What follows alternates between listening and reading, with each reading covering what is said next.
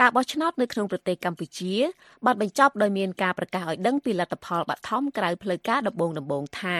គណៈបកប្រជាជនកម្ពុជារបស់លោកនាយករដ្ឋមន្ត្រីហ៊ុនសែន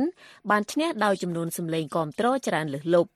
លោកសុកខេមរានៃ VOA ពីរដ្ឋធានី Washington និងលោកសុនរិនពីរាជធានីភ្នំពេញនឹងពិភាក្សាលម្អិតអំពីរឿងនេះសូមអញ្ជើញលោកខេមរាបាទសូមអរគុណចិន្តាលោកសុនរិនសូមជំរាបសួរបាទ ជំរាបសួរលោកខេមរាបាទបាទលោកតាមដាន ការបោះឆ្នោតដូចថាប្រហែលថ្ងៃជាប់គ្នាមកហើយហើយរួមទាំងថ្ងៃបោះឆ្នោតផងតើរហូតមកដល់ពេលនេះលទ្ធផលនៃការបោះឆ្នោតថ្ងៃទី23ខែកក្កដាឆ្នាំ2023ដែលថាគណៈបកកណ្ដាលអំណាចបានអះអាងថាឈ្នះនាំមុខគេច្រើននោះបានវិវត្តយ៉ាងណានៅក្នុងចំណោមគណៈបកនយោបាយនានាដែលចូលរួមប្រកួតប្រជែងជាមួយនឹងគណៈបកប្រជាជនកម្ពុជាដែលកាន់អំណាចនេះបាទ លោកខេមរាមិនទាន់មានជាការប្រកាសលទ្ធផលផ្លូវការពីគណៈកម្មាធិការជាតិរៀបចំការបោះឆ្នោតឡើយប៉ុន្តែបើតាមអ្នកនាំពាក្យគណៈបកប្រជាជនដែលប្រាប់ VOA កាលពីម្សិលមិញហ្នឹងគឺថាលទ្ធផលបោះឆ្នោតដែលគណៈបកបានគុនគូហ្នឹងគឺថាឈ្នះភ្លុកទឹកភ្លុកដីបើគិតជាភាគរយនៅក្នុងចំណោម84%និយាយថាប្រជាពលរដ្ឋដែលចេញបោះឆ្នោតនឹង78ទៅ80%គឺគណៈបកបានគ្រប់គ្រងសម្លេងឆ្នោត ហើយបើគិតជាអាសនៈវិញគណៈបកបានលើកឡើងថាមានតែមួយឬពីរអាសនៈប៉ុណ្ណោះដែលដែលមិនឈ្នះមានន័យថាគណៈបកផ្សេងឈ្នះអញ្ចឹងមានក្នុងចំណោម125អាសនៈសរុបនៅរដ្ឋសភាគណៈបកឈ្នះលើសលប់រួចទៅហើយហើយនៅពេលនេះផងដែរឃើញមានសារព័ត៌មាននៅក្នុងស្រុកដូចជាសារព័ត៌មាន Fresh News ដែលស្និទ្ធនឹងរដ្ឋាភិបាលបានផ្សាយថាគណៈបកប្រជាជនកម្ពុជាបើតាមលទ្ធផលគឺឈ្នះ120អាសនៈ ចុះ5អាសនៈទៀតអឺបានទៅគណៈបកណា មានការលើកឡើងថាបានទៅគណៈបកហ្វុនសំពេចដែលជាគណៈបករាជានិយមមួយបាទបាទសូមអរគុណលោកសុនរិនយើងនឹងតាមដានហើយនឹងធ្វើសេចក្តីរាយការណ៍បន្ថែមអំពីរឿងនេះទៀតចុះបញ្ហាចំនួនសន្លឹកឆ្នោតគូសចោលវិញតើមានការកើតឡើងឬក៏មានការបង្ហាញច្រើនប៉ុណ្ណាទៀតទៅហើយមានការចាប់ខ្លួនមនុស្សបន្ថែមទៀតទេឬក៏មានព័ត៌មានអ្វីបន្ថែមដែលលោកអាចជម្រាបអស់លោកអ្នកស្ដាប់បាននៅពេលនេះបាទ ចំនួនសន្លឹកឆ្នោតគូសចោលក៏មិនត្រូវទាន់បានប្រកាសដោយកជបដែរប៉ុន្តែយើងយោងតាមអ្នកនាំពាក្យគណៈបកប្រជាជនកម្ពុជាគឺលោកសុកអេសានដែលមានអ្នកសង្កេតការរបស់គណៈបកនៅតាមមណ្ឌលទាំងអស់ហ្នឹងបានលើកឡើងថាมันលើស30ម៉ឺនទេចំនួនសន្លឹកឆ្នោតដែលគូសចោល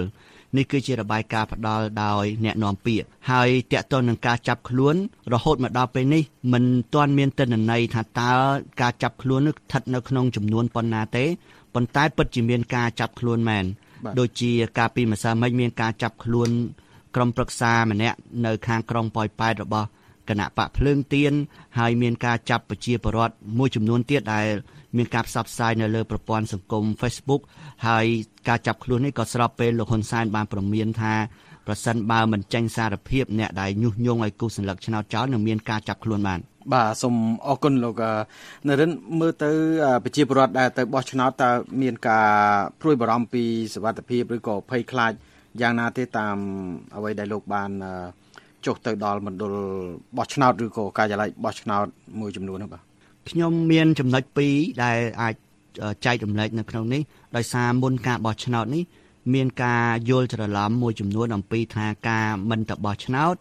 ការគូសញ្ញលឹកឆ្នោតចោលដែលជាធម្មតាជាសិទ្ធិរបស់ប្រជាពលរដ្ឋនៅក្នុងបន្ទប់សម្ងាត់គឺមានការយល់ច្រឡំថាអាចជាប់ទោសទណ្ឌដោយសារមានការបង្កើតច្បាប់ឬក៏ស្នើច្បាប់ដែល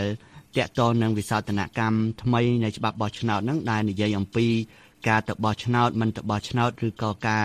ញុះញង់ប្រជាពលរដ្ឋមិនឲ្យទៅបោះឆ្នោតឲ្យគូសញ្ញលឹកឆ្នោតចោលដូច្នេះហាក់ដូចជាមានការយល់ច្រឡំហើយចំណុចទី2ដែលខ្ញុំចង់បញ្ជាក់ហ្នឹងនៅក្នុងមណ្ឌលបោះឆ្នោតមួយចំនួនដែលខ្ញុំបានចោះទៅនេះគឺឃើញមានអាជ្ញាធរក៏ដូចជាអ្នកសង្កេតការណ៍ហ្នឹងគឺនៅក្បែរមែនតែនក្នុងបន្ទប់សម្ងាត់គូសញ្ញលឹកឆ្នោតមិនឆ្ងាយពីប្រមាណពីកន្លែងចោះឈ្មោះដែលមានការត្រួតពិនិត្យអត្តសញ្ញាណប័ណ្ណឬក៏ ខាងមន្ត្រីខាងគណៈកម្មការរៀបចំការបោះឆ្នោតហ្នឹងរៀបចំសិលឹកឆ្នោតឲ្យប្រជាពលរដ្ឋដើម្បីយកទៅទៅគូសហ្នឹងគឺថានៅចិត្តមែនតែនដូច្នេះខ្ញុំមិនដឹងថាអ្នកជំនាញគាត់នឹងវាយតម្លៃបែបម៉េចទេព្រោះរហូតមកដល់ពេលនេះមិនទាន់មានជាការវាយតម្លៃរបស់អ្នកសង្កេតការឯករាជ្យនៅឡើយទេបាទបាទសូមអរគុណច្រើនលោកសុនរិនដោយសារពេលវេលាដល់ទីបញ្ចប់តែប៉ុណ្ណេះសូមអរគុណលោកច្រើនដែលបានផ្ដល់ព័ត៌មានបន្ថែមបន្ថែមថ្មីថ្មីចុងក្រោយទៀត តាក់ទងទៅនឹងការបោះឆ្នោតនិងលទ្ធផលបបឋមបឋមក្រៅផ្លូវការយើងនឹងធ្វើសេចក្តីរាយការណ៍បន្ថែម អំពីលទ្ធផលបន្តបន្តទៀតអញ្ចឹងដោយសារពេលវេលាខ្លីសូមអរគុណលោកច្រើនសូមជម្រាបលាតែប៉ុណ្ណេះបាទបាទជម្រាបលាលោកខេមរាបាទ